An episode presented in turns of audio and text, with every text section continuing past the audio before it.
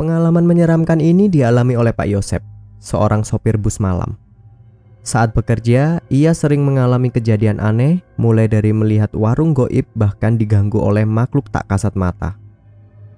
Tiba-tiba Pak Yosep ditelepon oleh pihak dari Jogja agar ia segera berangkat karena di sana sedang kekurangan armada. Pak Yosep pun mengiyakan dan ia memutuskan untuk lewat jalur utara. Dalam base, memang hanya ada Pak Yosep dan kernetnya tanpa penumpang karena tujuan mereka memang hanya mengantar bus ke Jogja.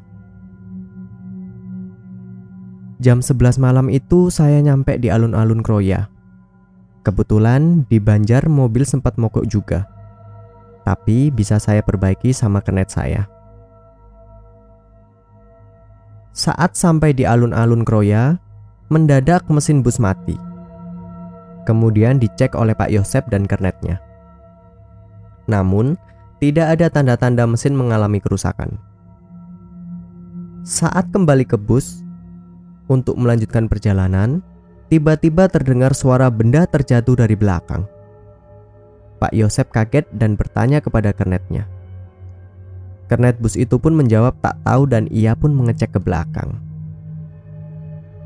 Kernet saya lihat ke belakang Tiba-tiba dia bilang astagfirullah.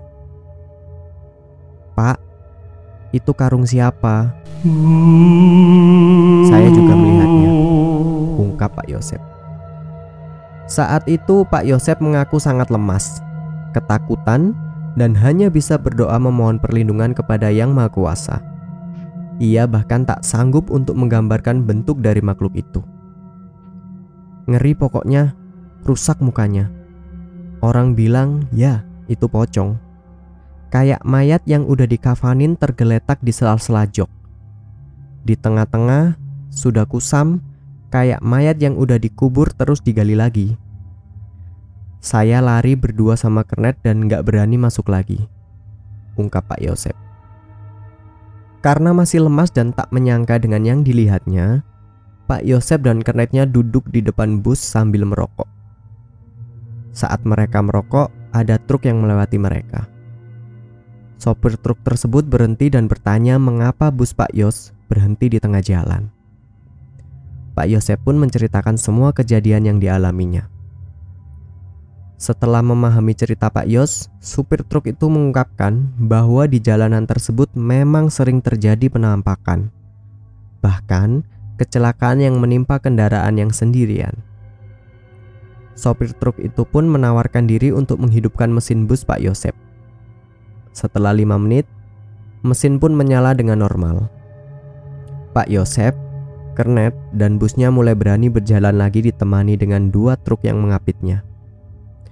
Perjalanan Pak Yosep dan busnya pun berjalan dengan normal hingga akhirnya sampai ke Yogyakarta. Alhamdulillah, sampai Yogyakarta dan balik ke Jakarta tidak terjadi apa-apa lagi. Baik pendengar, itu tadi adalah kisah horor yang dialami oleh supir bus bernama Pak Yosep. Untuk kalian, tetap waspada dan hati-hati di jalan.